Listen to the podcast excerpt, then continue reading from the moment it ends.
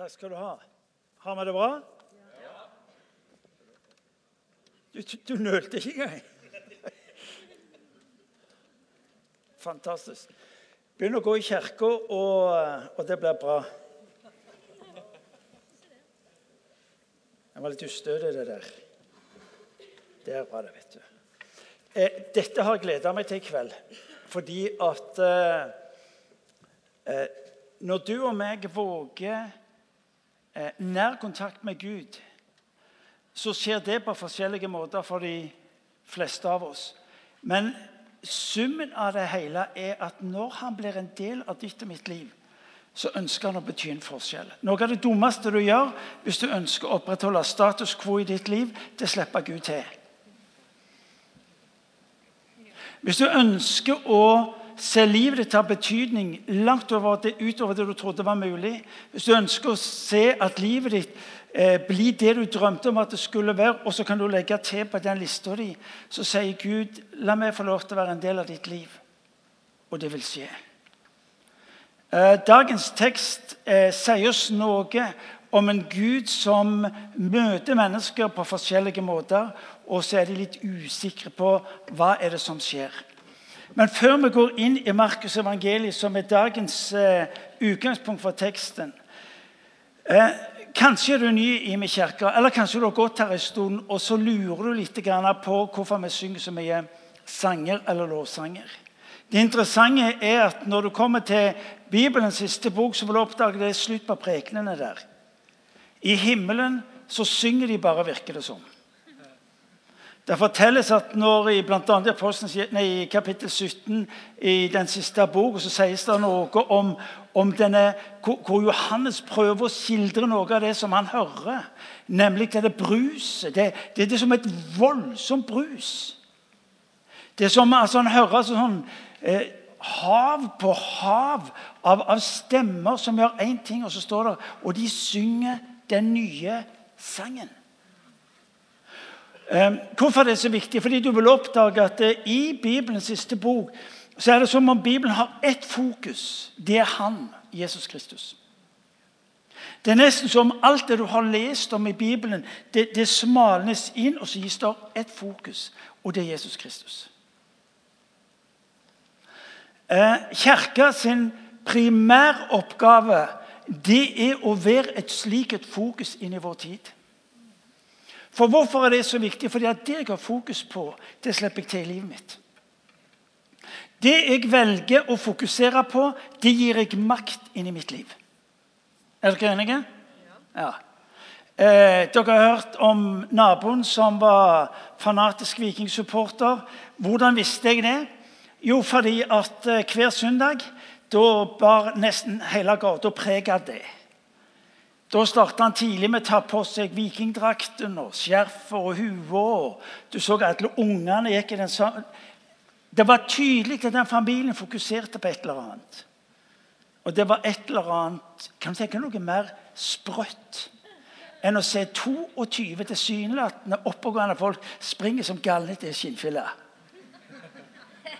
Har du tenkt på det noen gang?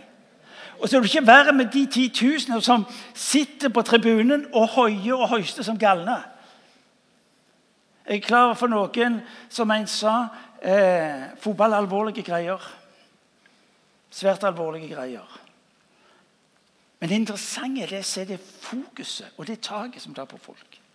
Hvorfor synger vi lovsanger så mye lovsanger som vi gjør her i Jimmy? Fordi vi ønsker å gi oss et fokus. For det jeg fokuserer på, det gir jeg innflytelse i livet mitt. Og der kan du og meg velge. Du er ikke et offer for et eller annet som traff deg en eller annen gang når du ikke fulgte med. Ditt liv er summen av dine valg. Og det du tilber, det du fokuserer, gir du innflytelse i livet ditt. Derfor så blir lovsangene i vårt hus så viktig, fordi den hjelper oss til fokus. Og fokus, vet du hva? Det gir oss forventning. Og det er det det skal handle om i kveld. Teksten fra Markus evangeliet gir oss dette tragiske hvor mennesker ikke har forventning og mister det han har for dem.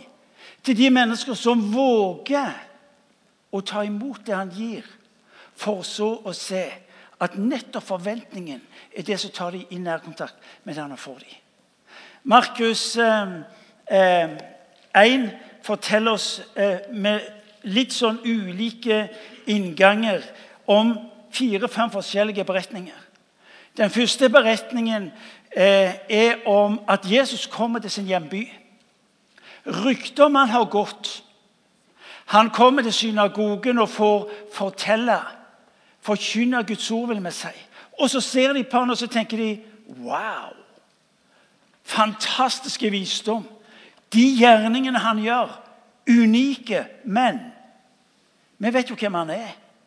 Vi kjenner han. Kjenner jo brødrene hans. Vet jo hvem søstrene er.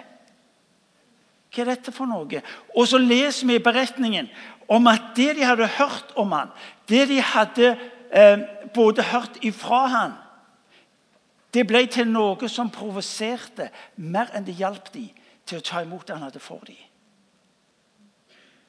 Så leser vi videre i Markus evangeliet kapittel 6 at Jesus er opptatt med at andre mennesker skal få tak i det han har for dem. Og så har han trent opp sine unge venner. Og la meg gjøre Det klart, det var ikke teologiske kandidater.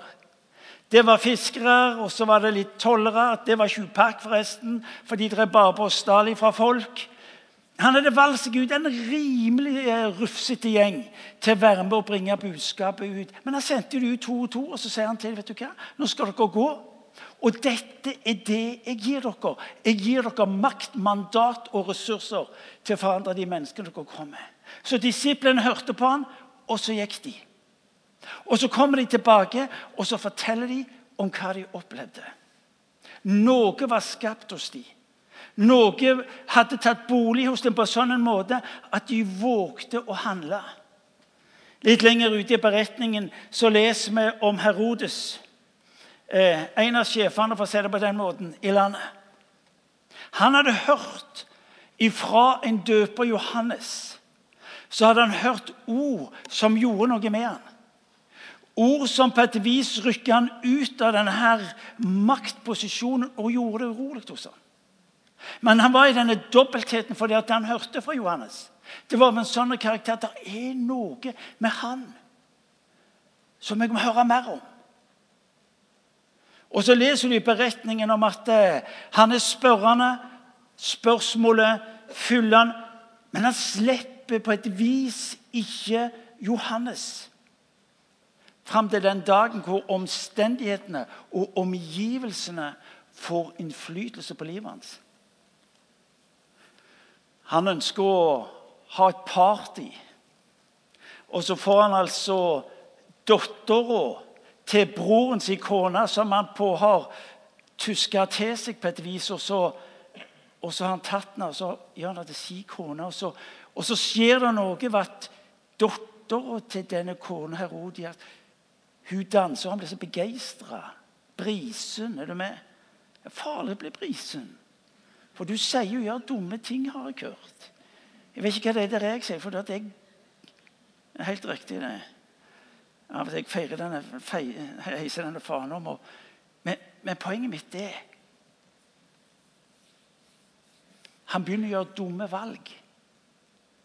Fordi omgivelsene hans har fått lov til å få innflytelse på ham ved ord, ved løfter han har gjort. Så han har sagt OK. Hun danser så fint. Hun gjør et sånt et inntrykk. Vet du hva? Be om hva du vil, og du skal få det. Og så begynner han å bli løs med løftene sine. Og så sier hun jeg vil ha jeg vil ha hodet Johannes på et fat. Og Nå har han rodd seg så langt utpå at han skjønner hvis han nå sier nei, så taper han ansiktet av en mann i hans posisjon. Det er farlig å være i posisjon, folkens. Fordi at fallhøyden blir så stor hvis du driter deg ut. Og han valgte heller å la Johannes betale den regningen istedenfor at han sjøl sa vet det går ikke. Så han handler på tross av det han kjenner i sitt eget liv. Denne mannen har noe som gjør inntrykk på meg. Og på den andre sida har han rodd seg så langt utpå at han våger ikke å gjøre trett. Og så leser vi om en Johannes som mister livet. om en Herodes som taper det fordi han ikke våger. Litt lenger ute i beretningen, litt fort, så er Jesus sammen med disiplene i den situasjonen hvor de har samla tusenvis av mennesker. Han forkynner evangeliet for dem. Og så sier han til apostlene ok, eh, dere må gi dem mat. Du og jeg har jo lest denne beretningen, ikke sant? Altså, du og meg vet det sånn, hva som skjer. Men hvis du nå lukker øynene og ser for deg 5000 mennesker, pluss kvinner og barn Det er omtrentlig som en stapp, nesten stappfull vikingstadion. Og Der står apostlene tolv stykker og sikkert litt til. Og så sier Jesus dere gir dem mat. Du, du, du fornemmer noe av denne her Hva sa han? Gi dem mat. Peter, han sa du og meg skulle i mat. Ser du det for deg? Det er klart du gjør ikke det. Hadde du rista på hodet, du sagt 'bare tull'. Ja, men det Peter Peter også. Bare tull. Men et eller annet har truffet dem, som gjør at når den mannen taler, så hører jeg. Og når jeg hører og forstår hva han har sagt, så handler jeg. Og så har jeg forventning til at det han ber meg om å gjøre, det fikser han. Han. Så leser hun beretningen om 5000 mennesker pluss kvinner og barn. Alle ble mette, står der. Hvordan jeg vet det? Det er tolv korger igjen. Og Det er, mer, det er noe mer sånn anretningsfat vet du, som du og meg har. Dere vet hva anretningsfat er? Ja. Ikke mennene vet, men damene vet hva det er. Ja, og jeg. Ja, det. Siste del av dette kapitlet tar oss inn i møte med det overnaturlige Jesus som går på vannet. Disiplene er på vei over sjøen. Der er storm, og midt i den stormen så, så ser de plutselig Jesus, og de blir eh, gysla redde.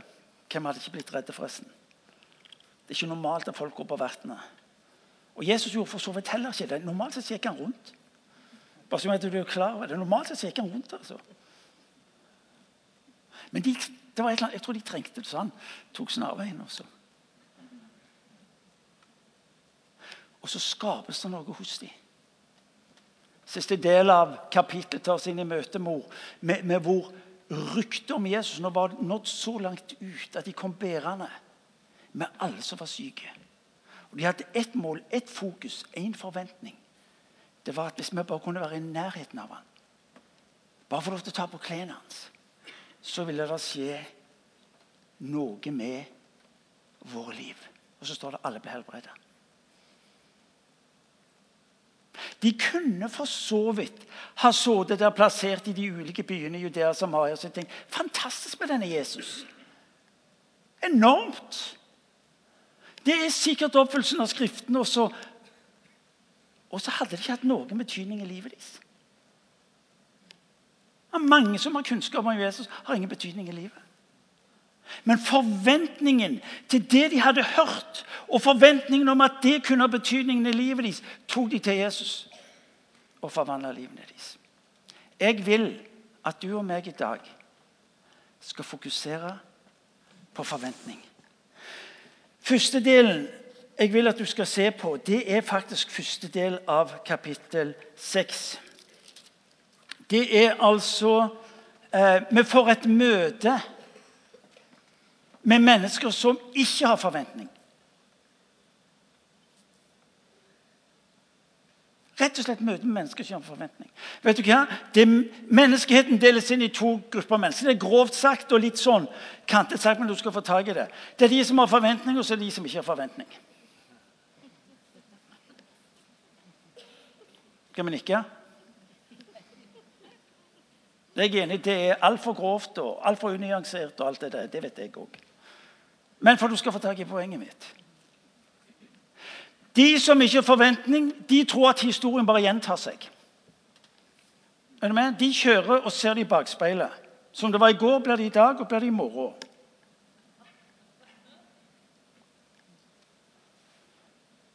Og jeg er glad med det. Takknemlig for det. Jeg håper i hvert fall ikke det blir verre enn hva det var i går. Håper ikke det blir nedgangstider i morgen.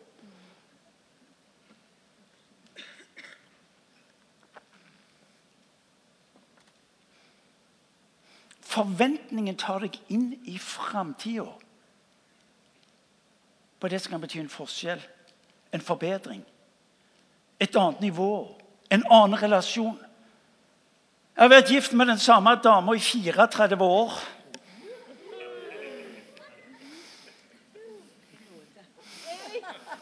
Kona mi kaller det nåde.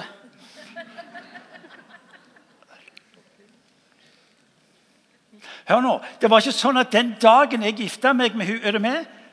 Så begynte jeg å se i bakspeilet. Det er altfor mange som driver og ser i bakspeilet.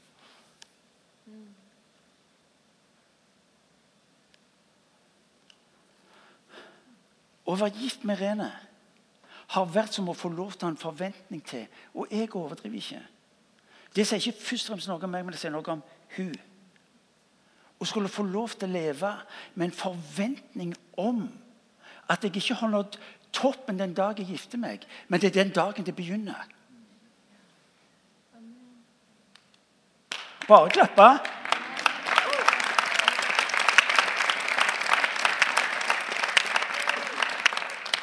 At hun har vært irriterende enkelte ganger, ikke mange ganger.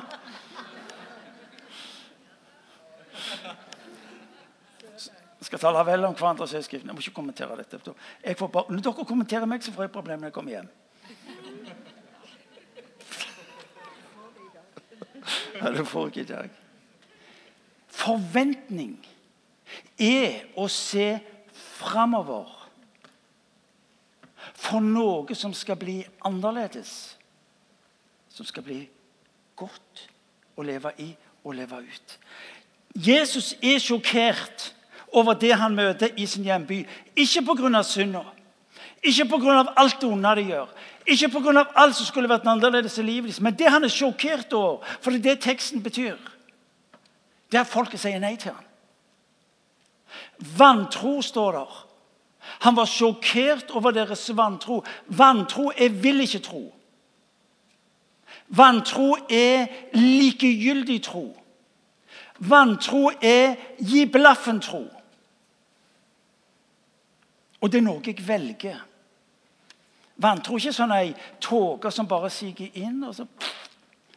Det er noe jeg velger å gi plass for i livet mitt. De kjente han. De visste hvem han var. Og så avviser de ham på grunnlag av det de kjenner han som, ikke det som han fremstår som. Jesus gir de nye bilder. Hør nå. Gud er ikke slik som han er, men som du ser han er. Derfor så lyder bønnen fra Paulus i Efeserbrevet kapittel 1, vers 17. Jeg har en bønn for dere. Det er at dere skal få se Kristus som han er. Alt fra Paulus koker ned til dette ene at dere Nei, jeg måtte dere må dere må få høre det fra teksten. Hør nå godt etter. Jeg ber om at vår Herre Jesu Kristi Gud, Herlighetens Far, må la dere få en ånd som gir visdom og åpenbaring, så dere lærer Gud å kjenne. Må Han gi dere lys til hjertets øyne, så dere får innsikt i det håp Han har kalt dere til, hvor rik og herlig Hans arv er for de hellige, og hvor overveldende Hans kraft er hos oss som tror. Og det er det han har gitt deg og meg nå. Han snakker ikke om himmelen. Han snakker om det du og meg har fått nå. Han er opptatt med at når han skriver til menigheten i Efesus og i kirka i Stavanger, så er det vet du hva? Dere må få tak i hvilken arv Kristus har kjøpt dere til og som er til deres disposisjon i dag. Folkens, da snakker vi om forventning. Hvorfor er Paulus opptatt med at menigheten skal få øye på hva Kristus har, eh, har, har gitt dem og har gitt dem del i, for at de skal begynne å oppføre seg annerledes? Fordi at du og meg opptrer, framtrer, eh, tar oss til rette i denne verden i henhold til hva vi tror vi har, og hva vi ikke har. Hva du ser videre, kommer ofte an på hva du vil se. Hjemmebygda til Jesus hadde de gamle bildene av Jesus, og de forholdt seg til ja, Men vi vet jo hvem han er. Herlig freden. Han er jo bare en tømmermann. Han var riktignok flink som tømmermann. Men det får det være måte på. Og så begynner vi å vurdere Jesus i henhold til våre bilder om hvem han er. Tilbake igjen til Irene. Jeg har rota meg så langt ut på likevel nå. Litt fra eller til. Nå skal du høre. En gang så, så jeg en bok som var skrevet av Irene. Det var ti kapitler om Irene i den boken. Det er helt sant, Dere tror jeg lyver, men det er nesten sant. Ti kapitler. Første kapittel var Irene som den fullkomne kvinne. Og så alt det som var perfekt med henne. Alt det stemte. Og så kapittel to var Irene Cave, verdens fremste kokk. Og så beskrev det henne som kokk. Alle de forskjellige sidene og egenskapene ved Irene. Det var ikke måte på. Eh, Irene Kev, den sprekeste kvinnen i Hortavikhagen 20. og det sto jo det. Men nå skal du høre. For hver kapittel så fikk jeg ny kunnskap om denne dama. Men nå har jeg levd med henne i 34 år. Nå kjenner jeg henne. Det er forskjell ha kunnskap om og kjennskap til. Er dere med meg? Ja. Det er det som er Paulus' anliggende. Ikke bare kunnskap, men kjennskap til hvem han er, og hvem han vil være i ditt liv. Og la meg si det sånn, Den boka som var skrevet om Irene, den er ikke i nærheten av det som var virkeligheten. Hun er langt bedre kokk enn det som fremstår med hensyn til trimminga. Dere tror jeg tuller med det. helt sant. Jeg trener med henne. Ja. Jeg skal spare dere for kommentarene.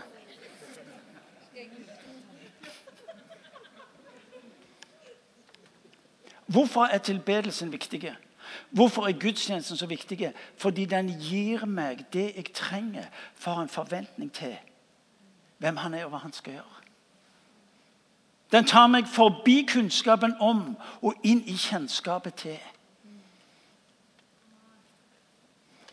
Er ikke det bra? Herlig fred. Så var det den berømte pinnsvennen som har sovna et eller annet sted. Han er der innimellom. Ja, Det dempa, syns jeg, da.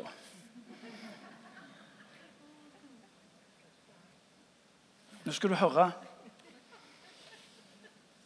Tro er lik forventning. Det som sjokkerer Jesus, det er at når de har hørt hans ord, de har sett hans gjerninger, så blokkerer de allikevel døra.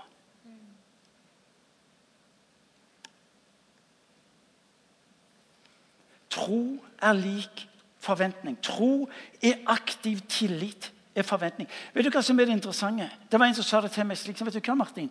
Det som er det tankevekkende, sa han, det er at den, når jeg kommer til den tredje verden, Asia, Afrika og Sør-Amerika, så er det et gjennombrudd for evangeliet gjennom under, tegn og mirakler. Det er en tro på en Gud som griper inn fordi de har bildene av ham som skaper forventning. Og det er det vi ønsker å se skje med ditt og mitt liv i denne byen. Hør nå godt etter. Når Jesus kommer til Nasaret, så kan han ikke gjøre noen ting, står der. Atmosfæren i byen lammer det som Jesus skal gjøre. Få tak i dette. Det var mange der som var syke. Det var mange der som ønska hjelp. Men en atmosfære av vantro, av vil ikke tro, lamma menigheten. Det er det store alvoret. Det er det store alvoret. I bygder, i byer, i landet vårt og andre steder.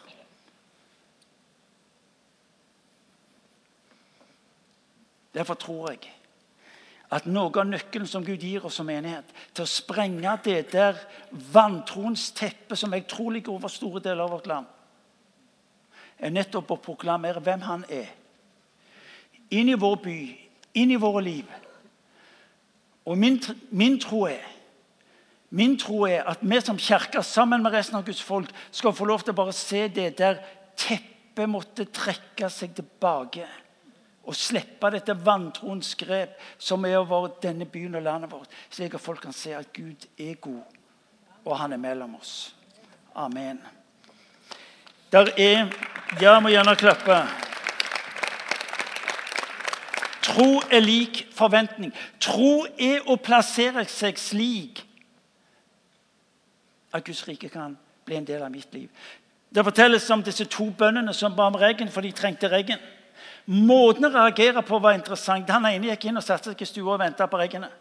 Han andre gikk ut og bearbeida jorda slik mens han venta på reggene.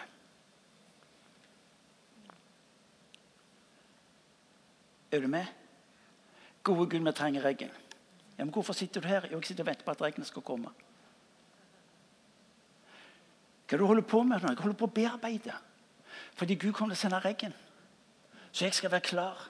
Så står det i profetiske ord så står det at eh, grav grøftene før regnet kommer. Det er en bibelsk eh, formaning til oss om å handle på det som vi har bedt om at vi vil at Gud skal velsigne våre liv med. Forventning. Ja, men Forventning er vel noe som bare kommer? Nei, forventning er noe du velger. Hvis jeg går på en fotballkamp og vet at det er mitt favoritt, favorittlag som skal spille, hva har jeg da? Har forventning om at de skal vinne? Det er faktisk et valg. Det er ikke en sånn stem, det er et valg. Fordi at jeg har knytta forventningen min opp til konkrete ting ved det laget, ved spillerne, ved taktikken og ved trenerne Jeg vet ikke hva.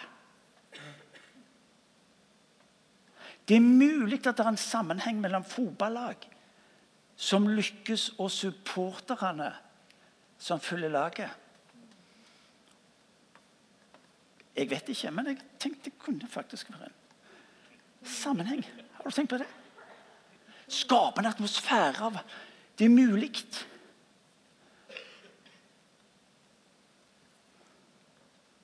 Når, eh, når Drillos drev på med det norske fotballandslaget hva? Gjeng av bønder fra ulike fjorder i Norge. Litt vulgært sagt. Men, men, noe i den duren. Men når de vant første kampen, andre kampen og tredje kampen, hva var det som skjedde? Forventningen steg. Altså, Norge var i stand til å slå de beste, og det gjorde de jo òg. Ble det enda verre? Brasil, England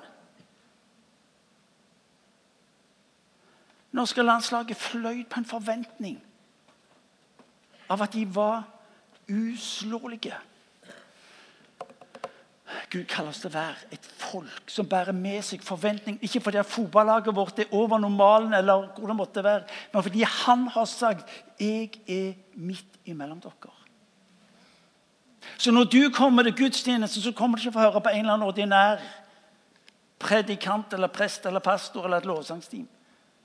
Men du kommer fordi at du har en forventning til en Gud som har sagt 'Jeg, Herren deres Gud, er i deres midte'. Det fortelles om en filippinsk pastor.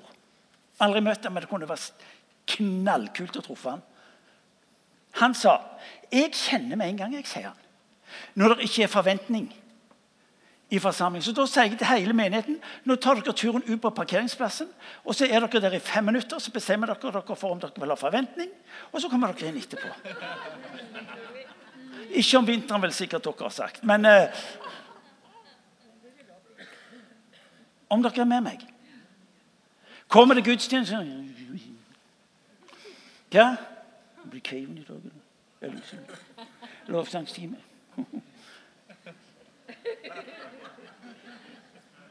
Jeg går så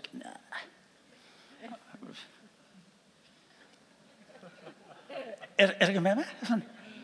Nei, altså Fantastisk. Jeg hadde samtale med en på, på fredag. Det er jo fenomenalt når, når, Gud får lov til å gjøre noe med måten som du tenker på.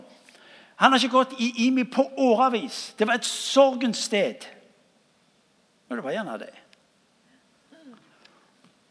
Og så begynte han for halvannen måned siden å gå hver søndag. Så sier jeg hva er galt. Jeg mener du, sier du, du går jo her uh, hver søndag. Det er bekymringsfullt. Ja, det var litt fleipete. Ja, jeg må gå hver søndag. Ja, må du gå? Ja, jeg må gå. Det, er jo helt sprøtt, sa han. Jeg har aldri før opplevd i livet mitt sånn at jeg, at jeg i begynnelsen av uka begynner å glede meg og ser fram til gudstjenesten skal være i kirka om søndagen. Ja, hva så, så gale, sier jeg. Nei, ikke noe som er galt. Det er bare det, det, det, det jeg, jeg, tror Gud, Gud, Gud, Gud gjør noe. Ja, ikke et dårlig utgangspunkt, det, tenker jeg. Får du ta Altså Du må gjerne skylde på det som skjer her framme på plattformen, men nøkkelen om det skal bli noe i ditt liv, det er din egen forventning. Så denne filippinske pastoren har faktisk ikke poeng. Hvis du nå opplever her, ute, her inne at det er litt sånn mm, Ta deg en tur på parkeringsplassen. Fem minutter. Og så sier du nei, Gud, jeg velger forventning til det skal skje der inne. Og så kan du si ja, men det er ikke Den andre tanken din sier ja, men det er ikke noe særlig å snakke om. Er det ikke for Gud er der? Ja. Ja, men det, kunne, ja, det er riktig, det var mye som kunne vært annerledes, men Jesus har sagt han er der, han òg. Er du med? Ja, faktisk er poenget det der.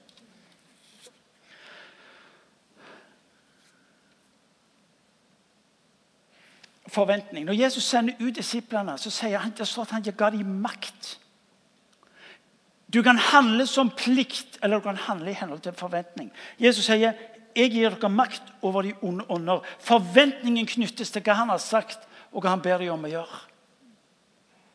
Kirka sitt liv og sitt dynamiske liv får lov til å ause av det han har sagt. Min forventning kan gå til hans ord som sier 'Jeg gir dere makt over de onde'.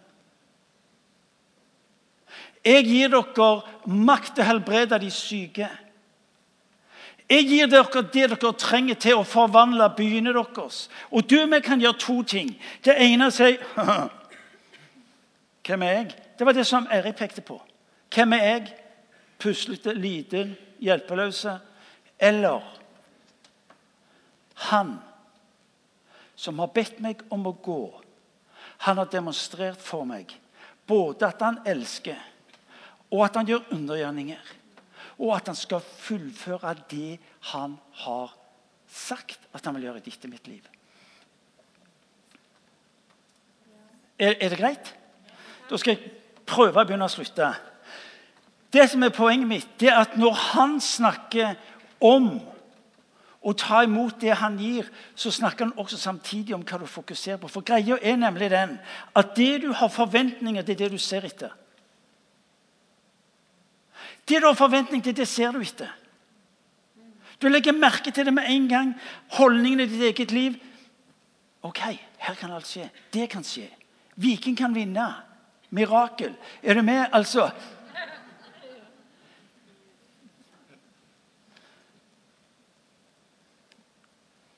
Forventning gir deg fokus. Forventning gir deg å se livet på en annerledes måte enn om du ikke har den. Det er altfor mange iblant oss som driver og kikker i bakspeilet og håper at livet ikke skal bli dårligere enn hva det var i går. Når Bibelen sier i Efeserbrevet kapittel 2 vers 10, så sier Bibelen jeg har lagt ferdig foran dere ferdiglagte gjerninger som du skal få lov til å gå inn i. Romerbrevet kapittel 12 vers 2 sier hør nå, én ting ber jeg deg om. Det at du tar imot det jeg gir deg, og ved det forvandler du mennesker sitt liv. Forventning har å fokusere. Og det du fokuserer på, det vil du oppdage at du også mottar.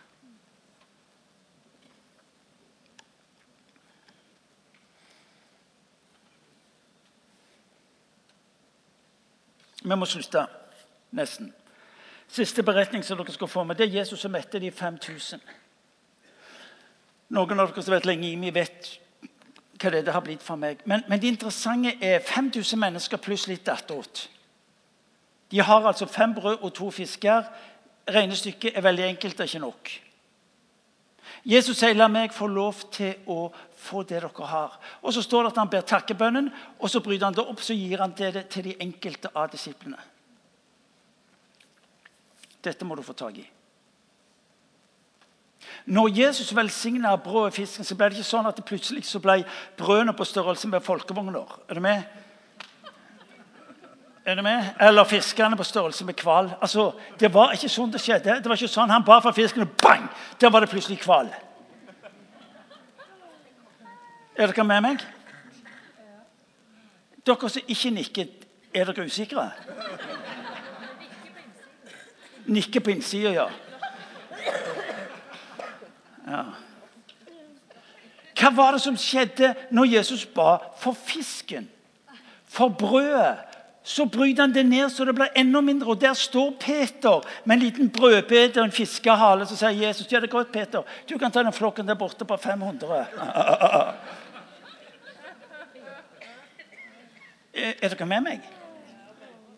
Ja, Dere sitter med fasiten. Det er derfor dere har roen. Men hvis dere hadde vært der, så kunne det være til angsten hadde tatt dere. Hva er det Peter gjør for noe? Det står ikke noe om hvordan Peter oppførte seg. Men det er godt mulig at han var litt forsiktig med første gang han bryter dette brødet. Er dere med? For det skulle rekke til 500. Er dere med meg? Så han tar, det skal vare lenge, dette her. Og så gir han. Det er mulig at det, ikke er det Peter gjør. Fordi Peter har sett hvordan Jesus opptrer. Han har møtt hvordan Jesus Når, han, når Jesus sier at du skal gjøre noe, så, fun, så funker det. Så jeg tror at det som skjer der Peter sier 'no problem' Så går han bare til 500 og så ser han ser dere hva jeg har for noe. Og de ser på det og tenker de er dust.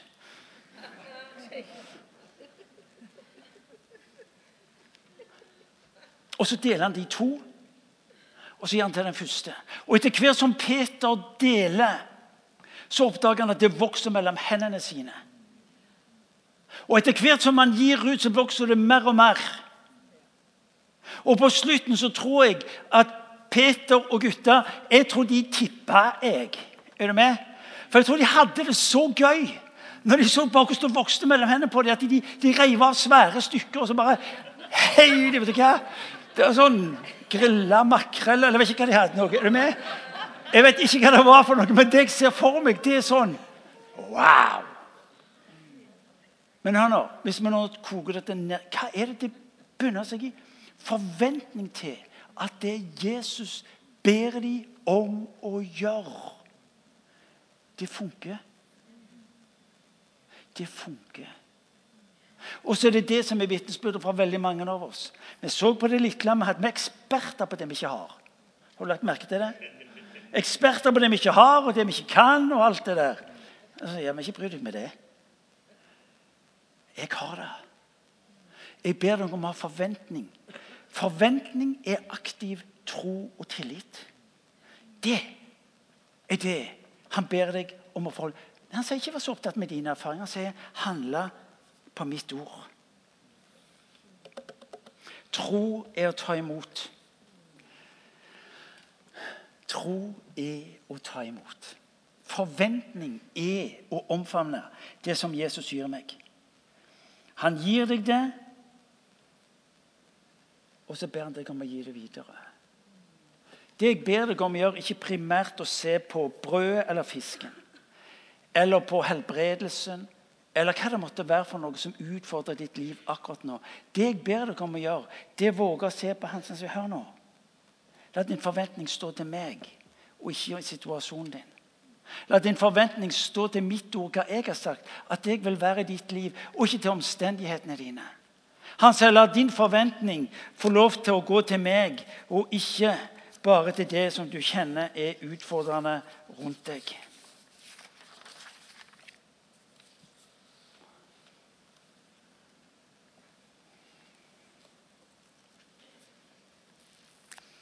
Kan vi reise oss, og så skal vi avslutte?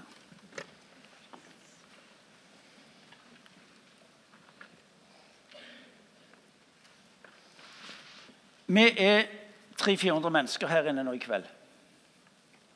Og vi kan forvandle denne byen vår.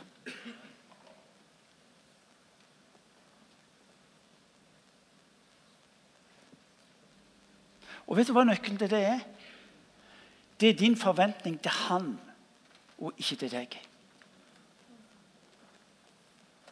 Det er mulig du befinner deg i en livssituasjon hvor du tenker du, Martin, du skulle bare visst Jeg trenger ikke vite.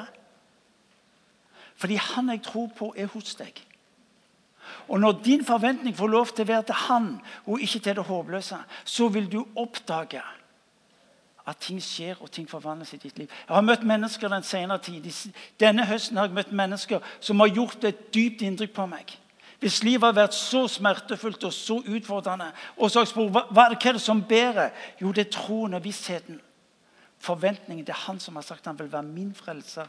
Han er der og bærer meg gjennom. Du og jeg kan forandre denne byen. Og Dette er ikke bare et spenstig utsagn fra en eller annen prest i en eller annen kirke. Fordi at du som er her inne, som har tatt imot Jesus Kristus, du skal få lov til å ha din forventning til morgendagen. For morgendagen er Han. Og Når du begynner med dine håpløse regnestykker, så sier han jeg vet om det. Men jeg styres ikke av dine regnestykker. Jeg styres av hva jeg ønsker å gjøre i ditt liv. Når Jesus er sjokkert over det han møter når han kommer til hjembyen sin, så er det ikke først og fremst på alt det som skulle vært annerledes, eller det som var feil. Det som er fortvilelsen hans, det at vantroen førte at de vender ryggen til ham. Og lar han ikke få lov til å være Gud i deres liv.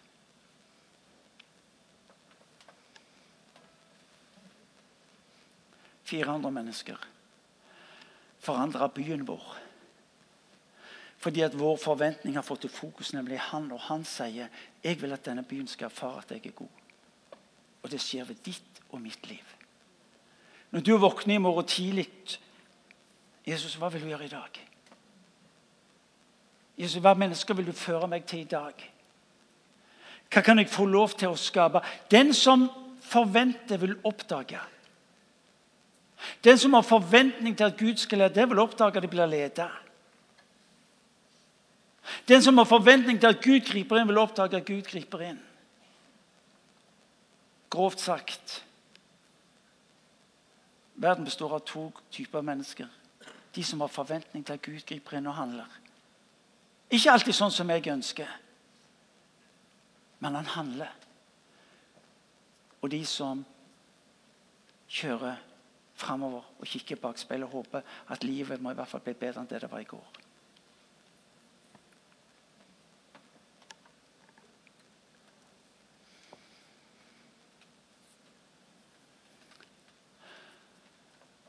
To ting vil jeg at vi skal gjøre. Det ene er og spørsmålet hva er det som hindrer deg i å se det som er Guds forventning. Det, det kan ha med synd å gjøre. Det kan ha noe med de bildene som du har skapt deg av Jesus. Det kan ha noe med det som på et vis har ført deg på avstand og vekk fra Jesus. Men hva er det som hindrer deg i å se, slik at du våger forventning til Han? La oss være stille. Jeg ber en kort bønn for det, og så skal jeg ta siste utfordring. Herre Jesus, jeg takker deg fordi at du, du er den som har frelst oss. Når du dør på korset, så skal vi få lov til å ha forventning til at alt det du sier som er følgen av det, gjelder den enkelte av oss. Takk for at vi skal få lov til å ha forventning til at din nåde gjelder den enkelte av oss. Takk for at vi skal få lov til å ha en forventning til at når du sier om tilgivelse for synder, så gjelder det den enkelte av oss. Takk, Jesus, når du sier at vi skal få lov til å ha forventning til at du som har begynt det gode livet hos oss, du skal fullføre det. Takk, Jesus, for at vi hver enda dag ved dagens begynnelse skal få lov til å se hen til deg og ha en forventning til at du som har gitt oss dagens begynnelse, skal holde din hånd over oss gjennom dagen. Hellige Ånd, takk fordi at du er livets Gud, som kommer til den enkelte av oss. Far, vil du gi oss bekjennelsen, vil du gi oss omvendelsens mulighet. Herre, vil du gi oss å få lov til å legge av, Herre. Slik at ingenting blokkerer for denne forventningen til deg. Jeg ber om det, Herre. Så der du nå står i stillhet, bekjenn for ham. Og la ham få lov til å tilgi deg og gi deg omvendelsens gave slik at du kan få lov til å se framover og glede deg.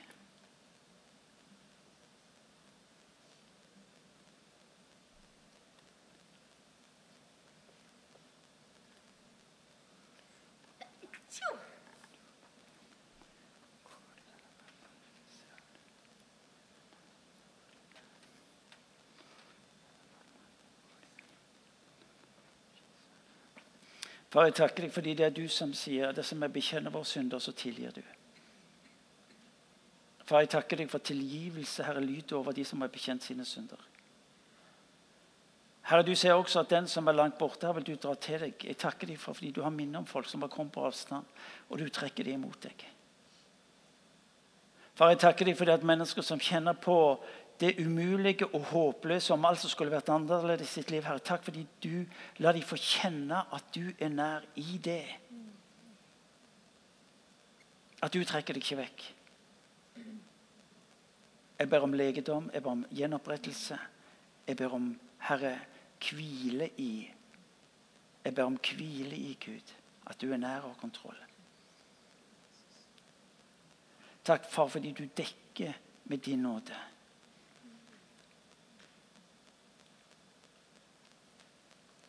Og så vil jeg be en bønn. Og det er den spennende.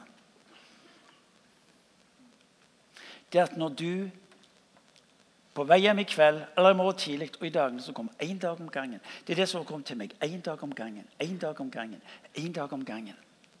Skal få lov til å omfavne dagen med en forventning. Gud, hva er det du gjør nå? At du skal se det og handle på det. At du, selv om du er komfortabel, selv om du kjenner på frykten, selv om du kjenner Wow, dette, dette fikser jeg ikke. Selv om, uansett, så vil jeg at du skal våge forventningen. Det at han tar deg inn i det som har betydning for menneskene rundt deg. Jeg kunne jo selvsagt ha bedt dere om å rekke opp hånden, jeg tror jeg ikke gjør det. For jeg går ut ifra at alle her inne gjør det.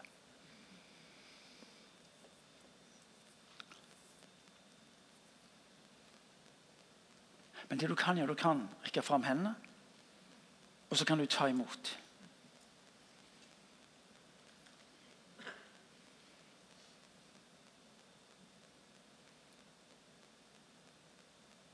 Fordi at forventning er ikke primært en forventning til deg sjøl, men til Jesus Kristus. Forventning er ikke en forventning til din egen prektighet, men er Han som har sagt han er nær. Forventning er ikke at du er på topp ved dagens begynnelse, men forventningen er knytta til han som har sagt 'jeg er der'. Forventningen er ikke knytta til at du har alle ting på stell i livet ditt, men at den er knytta til han som har sagt 'jeg går foran deg'.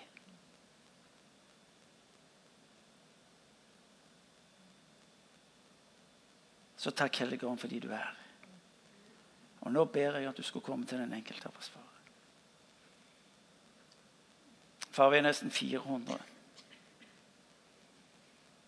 Far, vi ønsker å være et folk som forvandler byen og landet vårt. Far, vi tror på deg. Vi har tillit til deg.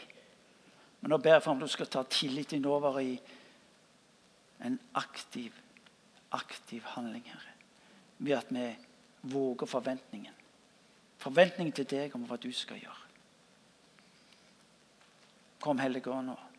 Jeg ber du skal skape nyskapende i mitt liv og i våre liv. Kom, Hellige Ånd. Kom, Hellige Ånd.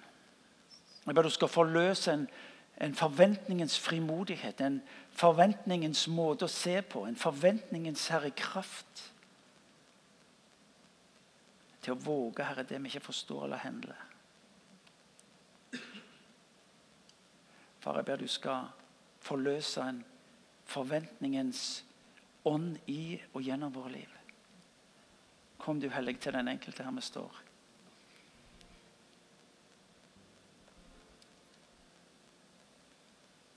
Ta imot der du står. Ta imot der du står.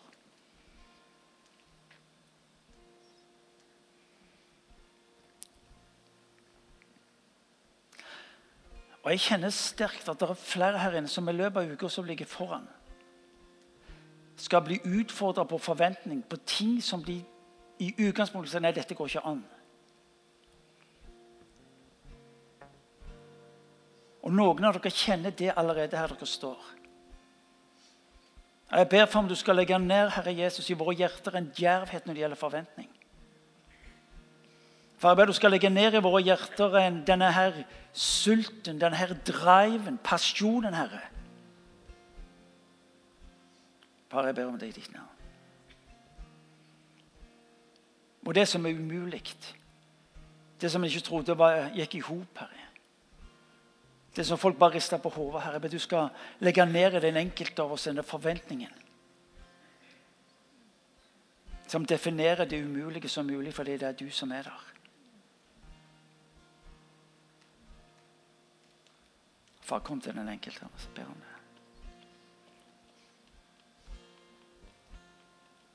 Far, kom til den enkelte av oss. Mens vi står der, så skal vi synge en sang. Jeg tror Vi skal stå. Vi skal synge en sang som heter 'God in the City'. En sang som minner oss om Hør nå. En sang som minner om at Gud er her. Derfor skal din forventning få lov til å være til Han og hva Han vil gjøre.